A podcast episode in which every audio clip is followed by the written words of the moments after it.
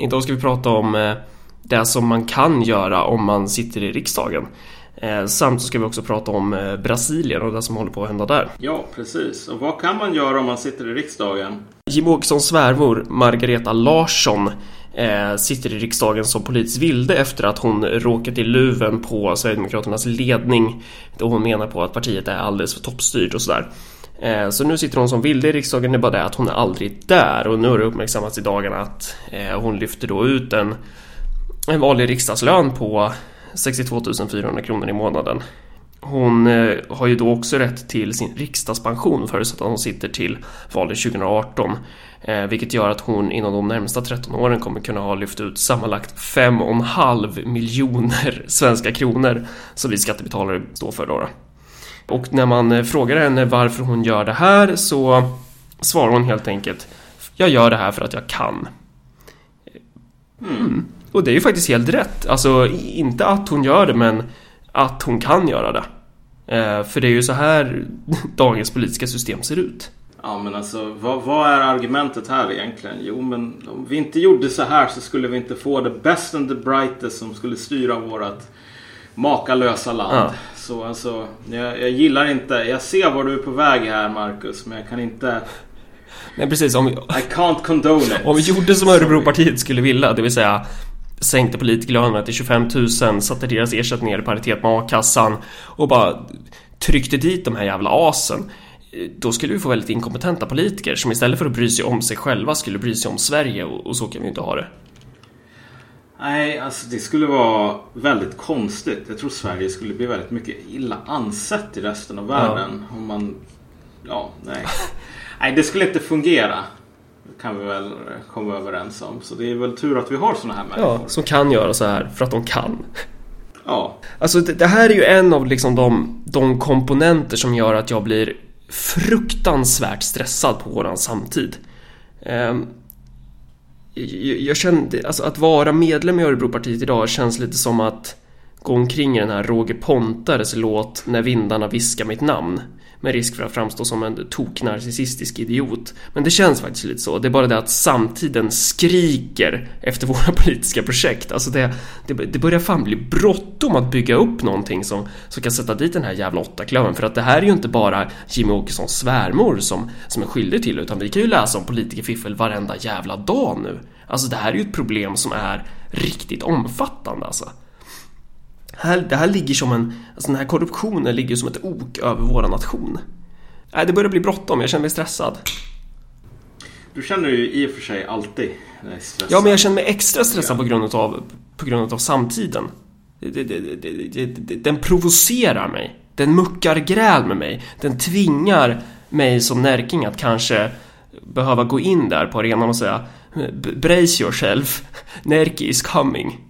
Lite så känner jag. Vi behöver nästan, vi behöver ju bygga ett nytt parti i det här jävla landet. Örebropartiet räcker ju inte till. Men vi måste, vi måste etablera ÖP ännu mer för att kunna bygga ett stort, starkt, nationellt, helvetiskt parti. Ja, jag vill jo. passa på att eh, uppmana människor att eh, stärka Örebropartiet här och nu. Vi driver en crowdfunding-kampanj just nu. Så eh, om man tycker att det skulle behövas en ny politisk kraft i det här landet som kan stå emot den här sortens idioti som eh, vi kan läsa om dagligen så får man jättegärna swisha eh, valfri gåva till 0790 10 72 23 och då också skriva gåva ÖP så att den inte hamnar hos podden istället. Uh, men okej, okay, uh, från uh, politikerkorruptionen i Sverige till politikerkorruptionen i Brasilien då. Ja, precis. Um, och du har väl mer koll på detaljerna än vad jag har här? Vad gäller... Det är frågan alltså. Det, alltså detaljer. Och om man lyssnar på de flesta så här eh, podcasts idag som avhandlar politik eh, från diverse så här avlönade politiska experter så brukar ju de ha en tendens att haka upp sig på sådana här detaljer på hur många personer som röstar på vad eh, och så här, alltså spelet i den politiska överbyggnaden snarare än att försöka förklara Eh, varför olika politiska processer sker. Vad, vad är bakgrunden? Vad är de materiella förklaringarna och sånt där. Ehm, så jag är ju inte riktigt lagd åt det hållet. Ehm, men för att sammanfatta det så kan man säga så här. I Brasilien just nu så håller man på och avsätter den sittande presidenten Dilma Rousseff. Ehm, hon, hon, man har, ja det är väl korruptionsanklagelser som man sätter dit henne för. Eh, och man, eh, från vissa håll och kanter så talar man om det här som en, en soft coup, alltså en, en statskupp som sker på ett, ett mjukt, på ett, på ett milt sätt. Um, och det är ju det om det och det i sig kanske det är ganska ointressant. Det är, det är mer intressant att ställa sig frågor så här. Hur, hur kan det här ske? Vad, vad, vad, vad fan beror det här på? Vad är det för krafter i bakgrunden som opererar här och, och vad betyder det här? Ja precis. Alltså när du pitchade det här ämnet för mig så var ju inte jag 100% såld. För jag tänkte så här, ja okej. Okay. Ja. Vad har det här egentligen... Det är ju tråkigt om man bor i Brasilien så. Men liksom, vad är det som är intressant för oss att tala om? Mm. Som inte är det här nörderiet, typ så här, jag ska visa att jag kan så otroligt mycket så här, detaljer om hur saker och ting går till i alla delar av världen. Men Eh, jag satt, satte mig ner, läste lite grann mer om det här och jag tänkte att det här är ju någonting som väldigt, det här är en väldigt intressant process som pågår i Brasilien och som pågår i hela Sydamerika som är ganska närliggande teman som vi har varit inne och talat om i den här podcasten förut. Um, och det intressanta är ju det här. Att en gång i tiden så var de flesta länderna, eller i princip alla länder i Sydamerika, de var ju kolonier. Eller antingen formellt eller i alla fall informellt. Och en koloni är ju ett land som existerar för att göra någon annan rik. Det är ungefär så det funkar. Um, och ser man till hur järnvägarna såg ut på den tiden så var det så här. Du hade en gruva eller någonting och så var det en järnväg som gick från den till hamnen. Eh, till vid kustlinjen. För att den enda infrastrukturen som man behövde var ju den som tillät européerna, eller vilka det nu var, att typ länsa de här länderna. Brydde sig inte om att folk skulle kunna åka tåg och hälsa på släktingarna. Liksom. Fuck det tåg är till för att råna lokalbefolkningen. Och det var ungefär så som Europa blev så jävla rikt en gång i tiden. Och USA använde ganska många av samma knep. Ja, alltså hela den här industrialiseringsprocessen eh, förutsätter ju en enorm exploatering av andra delar av världen. Precis, och den, den en annan sak det förutsatte var ju också att det fanns en tom kontinent som du kunde lägga all den här slaskbefolkningen som förut hade varit i del av jordbruk. Ja. Som nu inte längre hade någon tillgång till mark. Så det var ju tur att USA fanns. Det var ju tur att 98% av USAs befolkning hade dött i typ böldpest hundra år innan. Sådana sammanträffanden kommer inte så himla ofta dock. Men grejen är bara så här. Att Sydamerika under en lång tid, det var eh, organiserat enligt den här Compradormodellen ungefär. Vilket är att 95% av ett land blir fuckat och en toppskiktet får jävligt bra betalt för att hålla i piskorna. Mm. Det är de som är kompradorerna. Ja, precis. Är, när man talar om kompradorkapitalism så menar man helt enkelt människor som medvetet så att säga låter utomstående makter komma in i sitt land och superexploatera människor där. Därför att man kommer att få en liten bit av kakan själv. Precis, comprador bourgeoisie. Ja. Eh, och det här var landets lag i Sydamerika under en lång period. Sen så någon gång 70-80-talet så släppte USAs hegemoni över området. Eh, USA hade haft problem med Vietnam, massor med finansiella problem efter oljekrisen. Och det här ska man ju säga, det var ju inte en enkel process. Det krävdes ju väldigt Nej. många människors... Alltså det var ju brutala diktaturer som man hade där. Ja, verkligen. Det var så här att om du gjorde någonting som misshagade Washington, då, kom, då då såg du fram emot att försvinna. Och det var exempel på vad som kunde hända med fackföreningskämpar eller kommunister eller vad det nu var som kämpade mot mot de här komprador, komprador, kompradorerna och eh, USA. USA-hegemonin var ju liksom att eh, bland annat så hade man i Argentina så eh, brukade man ge så här politiska fångar eh, någon slags bedövningsmedel som man blev typ helt, eller inte bedövningsmedel, man, man gav dem en spruta som man blev helt förlamad och fortfarande medvetande. Och sen så åkte man upp med helikopter och så dumpade man dem här i floderna och sådana grejer. Så det är liksom, ja, där har vi liksom baksidan på the American dream om man säger så. Saken var bara den att det här systemet, ingenting gott varar ju för evigt. Inte ens amerikansk imperialism. Eh, och det här greppet släppte. Och så hade du helt plötsligt olika människor i Sydamerika, olika politiska organisationer som insåg att de inte längre behövde vara någon annans bitch för att inte sätta... En viktig förklaring till att greppet släppte var ju att det var en väldig kamp emot det liksom. Alltså det var ju ja, omfattande jo, alltså det var ju griller i princip i nästan varenda jävla land. Ja, jo men dels det och men USA hade massor med andra problem också. Ja. Så att alltså dels det här grilla arbetet, all, alla de här motståndsrörelserna skulle antagligen inte ha lyckats om det inte vore för att man hade tur på, för att USA hade ja, men typ Vietnam, oljekrisen och ja. liknande. De sakerna tillsammans med det, alltså människors uppoffringar, människors blod. Det samlade resultatet resulterade ja. i att USA förlorade sitt grepp i regionen mer och mer. Ja, mer och mm. mer, precis. Det var ju en, en, en, gradvis process. Men det blev helt plötsligt möjligt för människor i den delen av världen att drömma om att när de skulle jobba så var det inte för att andra människor skulle sko sig. Mm.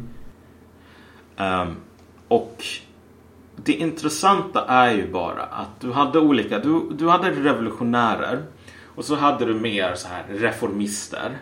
Men i slutändan, de betedde sig ganska lika när det väl kom till kritan. Alltså hur, rent hur de såg på sin uppgift. Så var det att stärka det egna landet. Eh, och helt enkelt leverera till den egna befolkningen det som man såg att man hade i andra delar av världen. I Nordamerika och i Europa. De sakerna ville man självklart också ha. Eh, och det är ju ingenting som... Det, det är ju inget fel på den, den önskan överhuvudtaget. Men sättet som man tänkte att man skulle ta sig till att bli ett rikt land eller ett, ett, ett modernt land eller vad man nu vill kalla det. Var ju ofta genom olika former av resursextrahering. Typ odla sojabönor, borra olja, borra mineraler och liknande. Sälja de här och sen så skulle man använda det som man tjänade på att helt enkelt försöka stärka någon sorts inhemska icke-comprador-kapitalister. Mer eller mindre. Alltså, jag menar på samma sätt som Japan eller Sydkorea eller många andra länder hade gjort. Så här bygga upp det egna landet helt enkelt.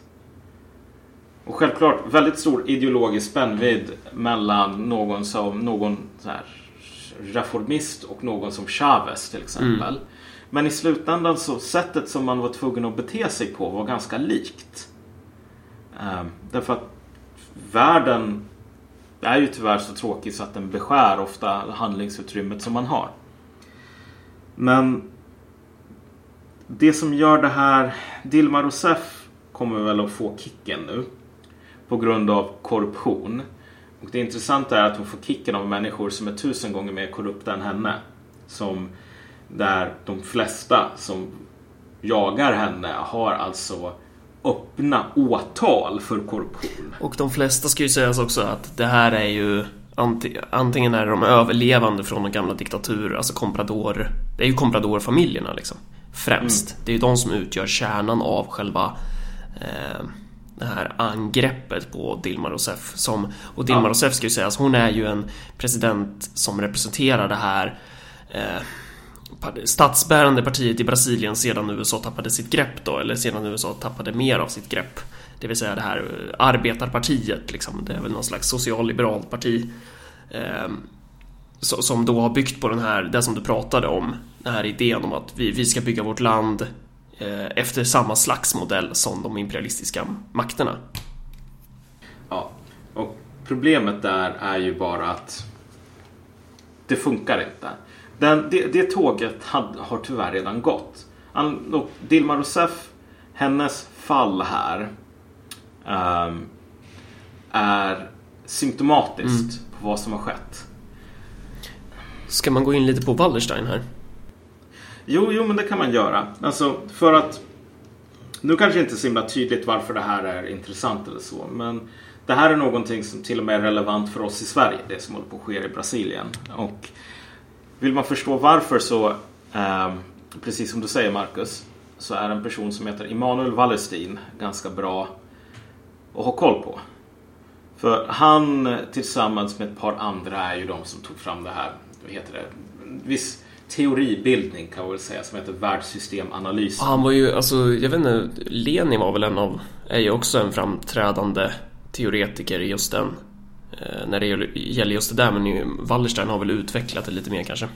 Ja, precis. Men det handlar väl kortfattat om att man, man ser Eh, dels är kapitalismen indelad i olika zoner, alltså världsproduktionen indelad i olika zoner där du har liksom eh, en periferi där man producerar råvarorna, det vill säga de gamla kolonierna. Eh, sen har du liksom någon slags semiperiferi där man, jag vet inte vad, rostar kaffebönorna typ och så skickar, skickar man vidare dem till kärnan och kärnan är liksom den här delen av kapitalismen som blev industrialiserad först. Eller vad man ska säga, alltså det, den rika delen. Europa, USA, Japan. Precis. Och jag tror att det, går, det går att ha, dedikera massor med avsnitt åt liksom, det är många saker som var tar upp. Men vi, vi håller oss till det som är absolut mest relevant för ämnet idag. Och Wallerstein har en tes som, om jag ska verkligen förenkla den så tror jag att jag kan sammanfatta den ungefär så här. Att kapitalismen är ett system, precis som många andra system så har den början, Eh, en liksom, normalitet, sätt som det fungerar normalt på. Och sen så har du ett slut. Och alla de här tre eh, stadierna hänger ihop. En liknelse som vi kan ta här är väl ungefär människokroppen. Om du tänker dig, människokroppen består av celler.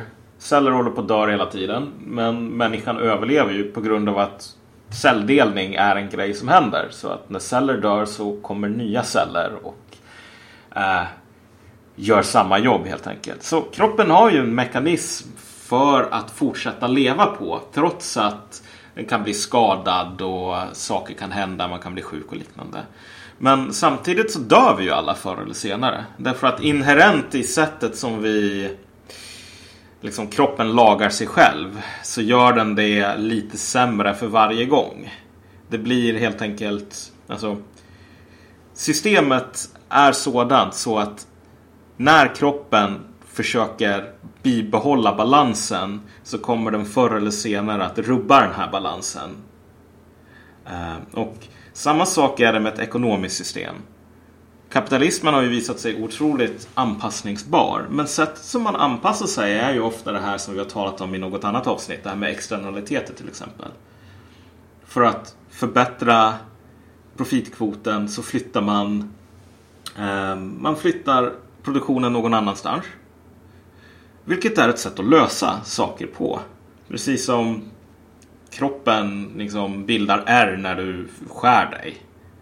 Men förr eller senare så får man slut på länder som man kan flytta till. Och det är ungefär där som vi är idag. Precis, för att eh, kapitalismen sånt system, alltså att du ska kunna ha en kärna förutsätter ju att du ska ha en periferi och tvärtom. Ja, men precis. Ja. Vissa typ liberaler vill ju hävda att Nej men hela världen kan vara en kärna. Mm. Vi, vi, kan alla, eh, jag inte vad, producera det som vi gör i Sverige. Och så är den här råvaruproduktionen, den bara, jag vet inte vad, det behövs typ inte. Nej men precis, och det är också så här att alltså eh, Människor inom kapitalismen är ju en sorts eh, Det finns nästan en sorts gruvnäring på människor som inte är Kapitalismen behöver alltid någonting som är utanför sig självt massor med människor fast i agrara samhällen som man kan införliva helt enkelt. Mm. Um, men förr eller senare så kommer ju den här resursen som är liksom, människor fast i liksom, agrar tillvaro, subsistens, jordbruk. Den kommer ju att sina. Så nu finns det bara ett par länder kvar. Förut var ju Kina låglönelandet nummer ett och nu är det inte riktigt så längre.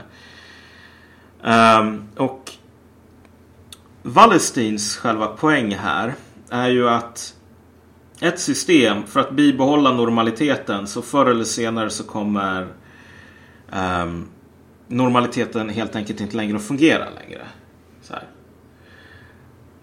Och det här är någonting som är otroligt talande just i Sydamerika därför att här har du de här länderna som kom för sent till festen.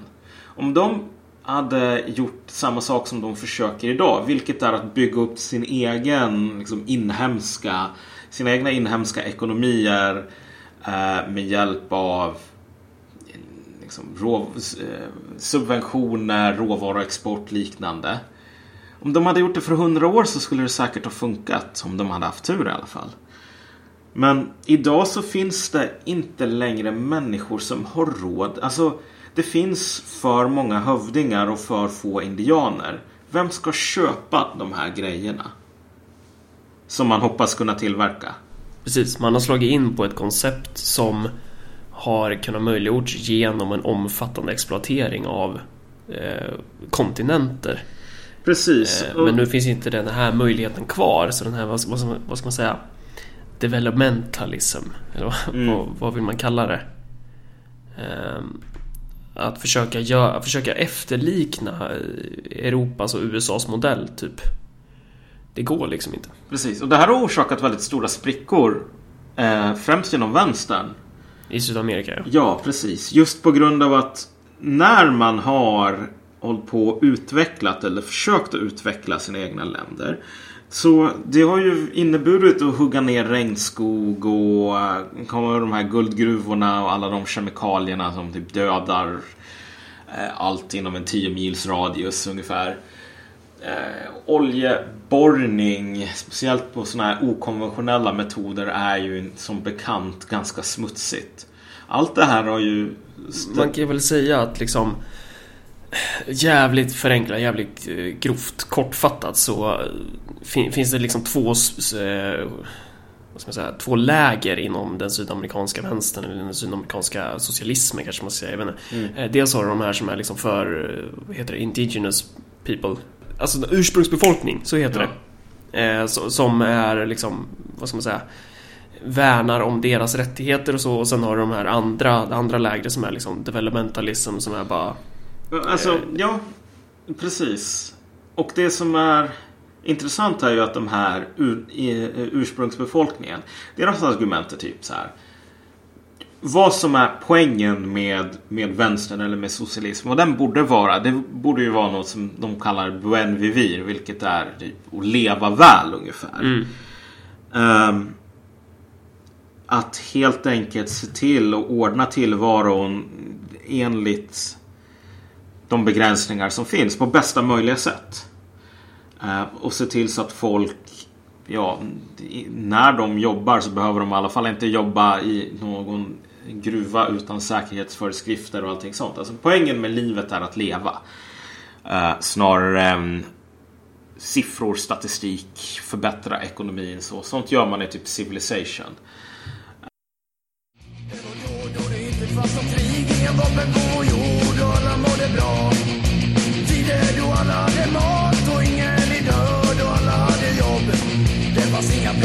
Pedofiler, våldtäktsmän, fly som man kunde rita upp sig på.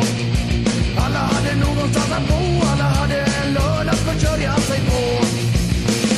Ja, det var stunder som man vill minnas. Eller var det bara drömmar? Ja, det var stunder som man vill minnas.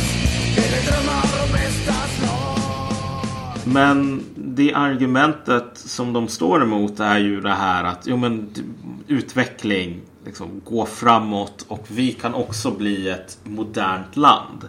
Problemet är bara att inte ens moderna länder, och det här var ju någonting som vi kom in på lite grann i Norrlandsavsnittet. Inte ens moderna länder klarar av att vara moderna länder. Vad moderna länder håller på med idag, och det här gäller både för USA och för Sverige, och för Danmark och för Frankrike, är att de håller på att skära av delar av sig själv med den mindre värda befolkningen så att den viktigare befolkningen ska kunna fortfarande leva modernt. Och det där ser man ju verkligen i Brasilien. Ja, men precis. Men de, de kom ju aldrig riktigt fram till liksom, där alla var framme. Eh, men de, de står inför ett läge idag där de som håller på och jagar efter Dilma Rousseff och jag är inget stort större fan av Rousseff. Jag menar Behöver man vara det? Men Men de som jagar, jagar efter henne är sådana människor som är tusen gånger mer korrupta än vad hon är, som jag sa tidigare. Men det är också människor som jag tror är ganska okej okay med att återgå till den här gamla comprador-modellen. Vilket typ är att 98% av befolkningen i landet kan bli, jag vet inte vad, Soylent Green typ. Och så länge de får en procent på vinsten som man tjänar av att göra de här människorna till science fiction mat, välling. Så är de nöjda. Mm. Um, och det här är väl... Och den, den staten man då i sådana fall skulle vara komprador till eller klient till är ju då eh, med största säkerhet USA. Mm. För att det är också en aspekt där med att Brasilien är ju med i BRICS-samarbetet som är ett ekonomiskt samarbete av Ryssland, Brasilien, Indien, eh, Kina och Sydafrika. Eh, som på något sätt också har den här idén om att eh, man vill inte avskaffa det kapitalistiska systemet, man vill bara ändra liksom, maktpolerna inom det. Ja. Ehm, och det där, det där kan man ju avhandla flera avsnitt om egentligen som ett eget ämne men, men det finns ju ganska starka geopolitiska intressen från framförallt USA och västvärlden som, eh, när det gäller att inte se Brasilien i, i det där samarbetet. Ja. Nej men alltså, och jag kan väl säga angående typ de som har de drömmarna. Jag menar lycka till. Det finns ju inga moraliska argument som jag kan komma för varför kineser ska vara de som ska vara fattiga medan svenskar ska vara de som ska vara rika. Men tåget har gått, båten har seglat. Alltså tids nog så kommer man att inse att um, det, det, det är inte möjligt. Um, det är inte möjligt för oss att vara de som kineserna vill vara. Um, och vi är ett mycket mindre land med mycket, alltså vårat, eh, vad ska man säga? Vår levnadsstandard, så ohållbar som den är, skulle vara mycket mer ohållbar om en miljard människor till använder den. Så liksom redan då, redan nu är det mer och mer en omöjlighet. Men det är intressant att du tar upp det där med USA. För jag tänker bara så här att man kan ju fråga sig hur om det ens kommer att lyckas det här. Det finns ju drömmar i USA definitivt om att Alltså den här idén om att vi, okay, vi, vi tappade greppet lite grann. Um, och det gick inte så himla bra i Vietnam och det gick inte så jävla bra i Afghanistan eller Irak heller tyvärr. Uh, och nu är det, går det sämre och sämre ekonomiskt. Men fan, snart är vi tillbaks. Liksom. Det här är Pax Americana, det här är The Roman Option och The American Century. Men USA håller ju på att falla sönder. Och samma samma brasilianer som är helt okej okay med att slänga sina landsmän typ över relingen så att de själva kan få en liksom, mer plats i baren, baren på Titanic. Sam, precis samma impulser ser du ju i USA. Alltså, såg man till Katrina till exempel så ser man ju verkligen hur uppenbart det är att man är beredd att alltså, säga till en stor del av den egna befolkningen typ fuck you. Så här. Så USA kommer nog aldrig komma tillbaka som en hegemon. I alla fall vad jag tror. Därför att internt så har man, kommer man ha fullt upp med att se till så att man inte får sitt huvud avhugget och typ monterat på någon jävla träpåle. Um, precis som de i Brasilien ja, är riktigt oroliga. En del kan man väl tro i alla fall riktigt oroliga för vad den här sortens sociala oro som du ser idag kommer att leda till. Ja, och där ska man också säga att de Alltså Brasilien är ju väldigt så här, om man ska titta på det här institutionella representativa demokratiska systemet som de har. Det är väldigt så här ungt och skakigt. Mm. Alltså de har ju bara haft, vad är det, 20-30 år som de har haft det här. Eh, de som var den gamla diktaturen, de lever ju fortfarande. Mm. Så att det här är ju ett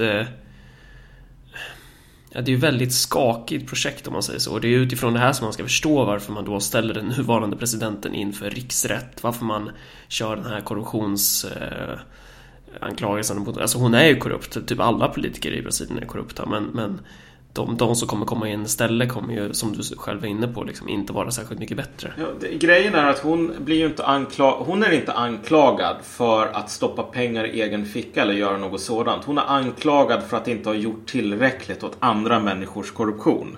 Medan de människorna som anklagar henne ofta är själva har alltså pågående mål där de själva har stoppat pengar i egen ficka eller håller på och fuskat sådär. Och det är då det blir intressant att titta på de här politiska projekten som vi har pratat om. Mm. Eh, att där man, för, för Kuba sticker ju ut här i Sydamerika. Eh, av lite olika orsaker, bland annat så orsaker som jag skulle mena på är saker de inte har valt själva. Mm. Eh, men, men så här i, på, på den sydamerikanska kontinenten så de flesta projekten där har ju handlat om att försöka efterapa Europa på något sätt. Ja. Eh, och eh, här ser man ju, man börjar ju se de här begränsningarna och då faller ju de här, den här politiska överbyggnaden på de här ekonomiska projekten som furor alltså. Det händer i, det händer i Brasilien, eh, det, det, är problem i Venezuela, du kommer se problem i Ecuador, du kommer se problem i Bolivia, du kommer se problem i alla de här länderna. Men precis, jag tror ärligt talat om, om man skulle försöka konkretisera den här idén om buen vivir. Ja. Eh, I praktiken så skulle nog de flesta av de, de, de flesta av de idéerna skulle nog likna Kuba praktiskt mm, mm. ganska mycket. Vilket illustrerar nästan vilket hopplöst projekt det är att försöka sälja den idén. Mm. Just för att, inte för att det är så dåligt på Kuba rent rent objektivt så är det mycket bättre att bo på Kuba än vad det är att bo i en amerikansk slum. Och fler och fler amerikaner tillhör de som bor i slummen. Eh, och det kommer inte att bli färre, det kommer att bli ännu fler och ännu fler och ännu fler i takt med att tiden går. Men problemet är väl bara det här med att eh, Kuba är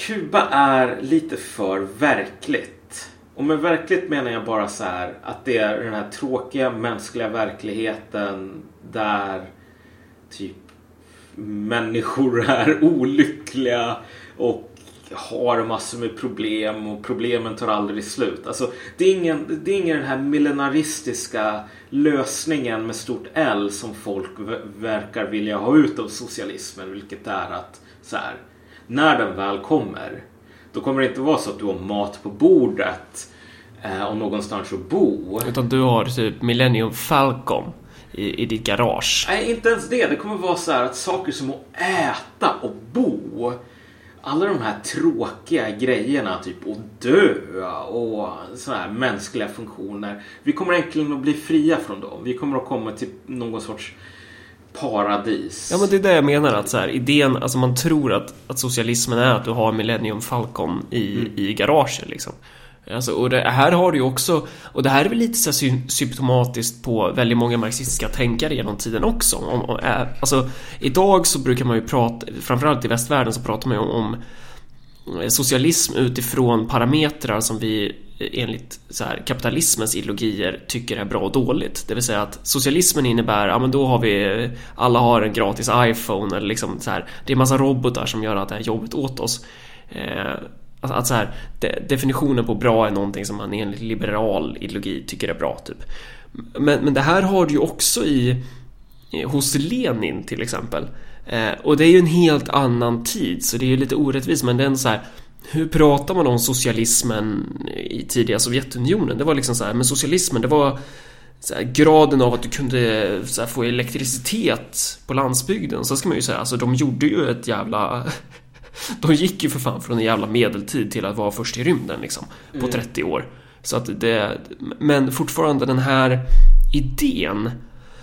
Eh, räds, rädslan för, för, för att det ska vara lite lagom. Jo men alltså, jo men det där är väl någonting, jag skulle inte direkt säga att det där är någonting som man har lärt sig från, från liberaler eller något sånt. Utan det där var ju inbyggt. Ja, det är, det är inbyggt i, i, vår, i vår tid.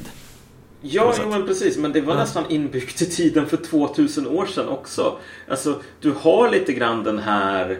Eh, den här sorten... Marxismen hade mycket av strukturen hos en del kristna sekter. Där man tänkte att strukturerar vi samhället på det här sättet så kommer vi förr eller senare att nå den här punkten då vi blir någonting mer än människor. Och att bli någonting mer i människor om du är en kristen sekt är ju är ganska enkelt att förstå varför det skulle hända. Därför att, du vet, frälsningen kommer att komma. Det finns en gud som kommer att sköta det där. Eh, men det, marxismen var alltid lite knivig just för att du kommer väl ihåg hur, hur, hur sången går. Vad är det egentligen som kommer att göra att solen ska skina mer klar? Ja, det där är också en intressant skiljelinje i hur socialdemokrater och kommunister sjunger i Internationalen. Att Socialdemokraterna sjunger att, den ska sjunga li, att solen ska stråla lika klar. Eh, Medan kommunisterna sjunger att den ska stråla mera klar. Vänta, sa jag lika klar? Eh, nej, du, du sa mera klart tror jag. Ja, okej. Okay, jag tänkte bara. Jag eh. håller inte på att bli helt senil. Ja, nej. Men, ja. men jag bara tänkte att jag, jag säger det så att man är med på vad vi menar. Alltså den textraden i Internationalen. Och det är ju så här. För det, det är ju, ja verkligen, det är en bra fråga. Vad är det som gör att den strålar mera klar? Mm. Nej men jo men och det där är alltid, det, det finns en aspekt av den här millenarismen. Och den fanns i Sovjetunionen. Och det, det Förklara vad millenarism är. Millenarismen är den här eh, liksom, väntan på millenniet. Den här ideologin ja. som menar att vi kommer förr eller senare att nå den här punkten mm. där alla problem kommer att bli lösta. Ja. Och där, du vet, det kommer inte att finnas några tårar mer och det kommer inte att finnas död och olycka och allting sånt där. Utan det kommer att vara fixat. Ja. Eh, och egentligen vad socialism eller typ produktionsordningen skulle, omstruktureringen av den skulle kunna göra åt all den här tragedin som är alltså typ små barn som dör i leukemi och liknande. Alltså det är bara, världen är ganska orättvis och ganska hemsk och det går inte att fixa bara genom att strukturera om produktionen. Men det är också det som gör den här modellen, typ Kuba, så himla hemsk på ett mänskligt plan och försöka sälja den. Därför att, att säga så här, Buen vivir. Vi kanske borde bo som på Kuba. Vi kanske borde ha så här, inte hur rikt som helst, men typ sjukvård och... I ähm, världsklass liksom. Ja, sjukvård i världsklass och alla har någonstans att bo och alla har att äta. Ja. Och säga det till människor är samma sak som att säga så här så här, okej. Okay. Sjukvård, mat. Du kommer ha någonstans att bo. Du kommer att ha eh, någonting att äta. Och du kommer att ha läkare. Men alla andra problem, alla så här, livets frågor, de kommer vi inte att kunna lösa åt dig. Mm, mm. Um, för att, ja. Och sen ska man också se Kuba. Kuba är ju framförallt intressant för att det är en isolerad jävla ö. Mm. Alltså den är ju... Det är ju en skillnad på Kuba och så här ett stort område som Sovjetunionen till exempel. Ja. Men även en, alltså Sovjetunionen kan ju, alltså det finns ju en problematik som man inte har med i de politiska strategierna på grund av vilken samtid de växte fram i och det är ju just det här att går det, alltså tillväxttron finns ju inom socialismen också. Ja, inom precis. det vi har sett. Och det är ju det som är så jävla farligt att man tror att, precis som i datorspel, typ att de här resurserna som vi har, de är ändliga. Eller de är oändliga. inte ändliga, de är oändliga. Eh, och eh, att, man, att man därför inte bygger en politisk strategi som tar hänsyn till det, utan man bygger fortfarande en strategi som, som det kommer gas ur, eller vad man ska säga. Mm. Ja men precis. Och jag kan väl säga så här att typ du och jag har väl båda blivit anklagade för att vara de här ortodoxa marxisterna som jag vet inte vad. Ja. Är så otroligt liksom, aldrig tänker någonting nytt och aldrig drar oss ifrån den här socialistiska normen och så. Men jag skulle väl säga att på den här punkten eller jag kan ju bara tala för mig själv här Ja. egentligen. Men för mig så är inte socialism det här liksom, millenniet som kommer. Nej. Det är förhoppningen om att alla människor kommer att ha mat någonstans att bo och liksom ett sammanhang att ingå i. Och möjligheter i alla fall att, att kunna vara eh, människor med alla de eh, glädjeämnen och all den tragedin som det tyvärr innebär att vara människa. Liksom. Sen så, sen så är det ju också så här, vilken aspekt menar man när man säger ortodox marxism? För att Ja, jo, om man ska jo, gå tillbaka precis. till de här ursprungliga marxisterna, till de marxisterna som är någonting. eh, De, eh, de kännetecknas ju ofta av någon slags brutal pragmatism Mm. in, inför sin samtid. Och det, jävlar vad jag höjer mig själv till skyarna här nu. Men alltså, bara... Att, alltså så här, Marx hade ju aldrig köpt dagens... Eh, Marx hade ju, om Marx hade levt idag då, hade, då tror jag hade, han knappast hade liksom tänkt på samma sätt. Mm. Ehm, så, och det skulle jag mena är att verkligen gå till marxismens rötter, att försöka utifrån verktygen analysera sin omvärld. Precis, Ehm, ja. men, men det är ju sällan så det här begreppet används eftersom det används av, av, av politiskt inkompetenta sopor. Ja, nej men precis. Alltså Marx var ju under hela sin liksom, livsverk så höll han ju på att ändra på sig och Ja, typ ja. förfina eh, och slipa på eh, eh, eh, hans poänger. Eh, Och hans ståndpunkter gällande saker och ting. Det, jag menar, det märker man ju direkt när man läser Kapitalet. Så. Mm. Så här, saker i början, idéer som kommer fram där behöver inte alls se ut på samma sätt eller ens finnas med i slutet. Uh, och det är ju det, det är ju metoden som spelar någon roll. Uh, och han tänkte väl definitivt inte att han skrev några så jävla Moses stentavlor eller något sånt. Men det är ju så som man blir behandlad idag tyvärr. Ja, precis. Sen finns det ju idioter som är liksom som, som tror att det var Moses stentavlor. Ja. Och ifall man då skulle ha en diskussion i någon podcast om nationalism eller vad det nu kan vara så, så bryter man ju de här heliga orden. Ja, Eh, precis. Så, att- så att det... Ja. Ja, jo, och alltså det intressanta idag är ju hur alla de här benen har på många sätt redan slagits bort från Ja, Jag märker det eh, på hur folk talar egentligen. Så här. För en gång i tiden så var det jävla enkelt att ta. Produktionsmedlen går framåt, bla bla bla. Nu blir det så himla desperat på något sätt, typ. Så här. Allting, det, inget har ändrats. Vi har fortfarande 3D-printers, typ. Så här, ja, 3D-printers som är skitdyra och som du inte ens kan trycka upp Warhammer-figurer i för att de är så kassa. Är det verkligen det som kommer att rädda oss, typ? Ja, När- alltså, alltså tankesättet är ju kvar. Ja, Oavsett, tankesättet liksom. är kvar men, Ja. men, men desperationen kryper verkligen in. Ja. Så här, när, när 3D-printers är det som du har att se fram emot ungefär. Alltså att man märker hur folk börjar typ inse att mm, kanske så är sötebrödsdagarna över. För den här den enda tillväxten som vi verkar ha är typ i extremister och arbetslösa och typ social misär. Där finns det tillväxt och sen så finns det tillväxt på börsmarknaden och i huspriser och liknande vilket kommer att leda till En, ännu mer social misär. Eh, en sjuhelsikes jävla smäll som Dynamit-Harry skulle säga.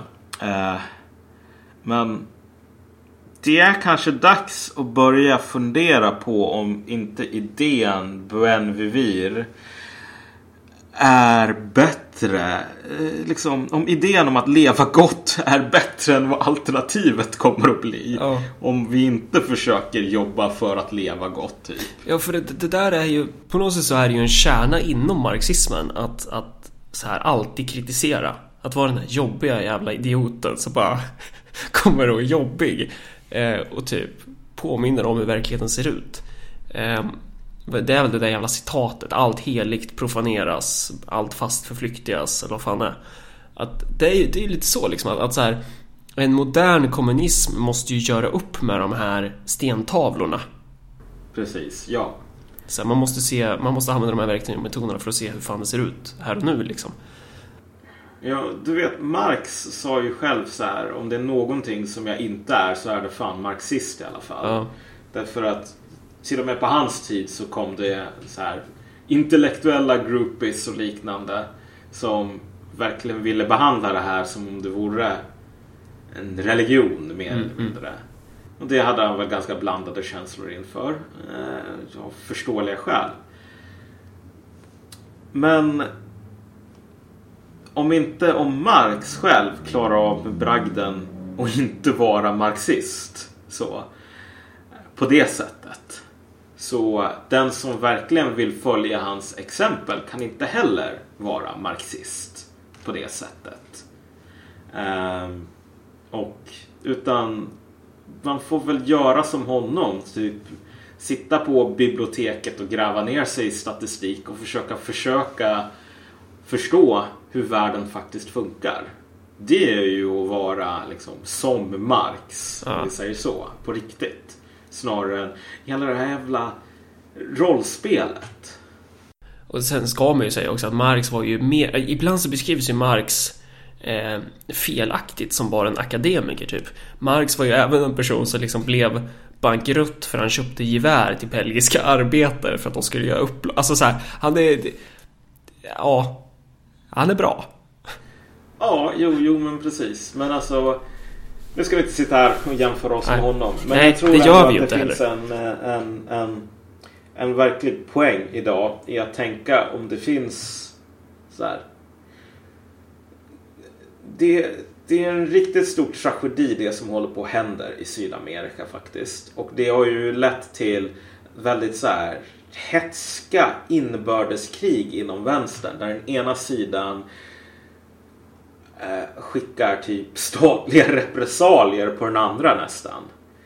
Um, och nu så sitter Syriza i Grekland i parlamentet medans polisen kommer kasta tårgas på demonstranter mot nedskärningarna. Um, det där är någonting som händer lite överallt idag. Och det är en allvarlig, allvarlig fråga. Liksom, vad, hur ska vi göra för att typ undvika den sortens situation? Typ.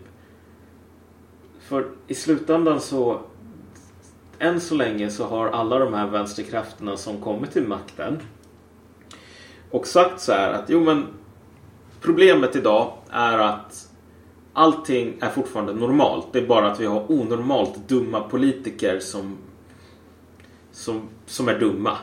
För, för att det bara är så. Men rösta på mig så kommer jag lösa allting. De människorna blir till slut de som skickar piketpolisen på demonstranterna mot nedskärningar. Och det är väl där som varken du eller jag hade tänkt att hamna faktiskt. Nej, det skulle vara träligt. Det skulle vara träligt, precis. Eh, ska vi skita i det här nu eller? Ja, det gör vi. Så syns vi nästa vecka helt enkelt. Så får du eh, ratta ihop din jävla uppsats så vi kan gå tillbaks till två. Ja, fan jag ska magsåra med den nu. Ehm, Men eh, sprid våran podcast och man kan också stödja podden genom att bland annat eh, bli en Patreon.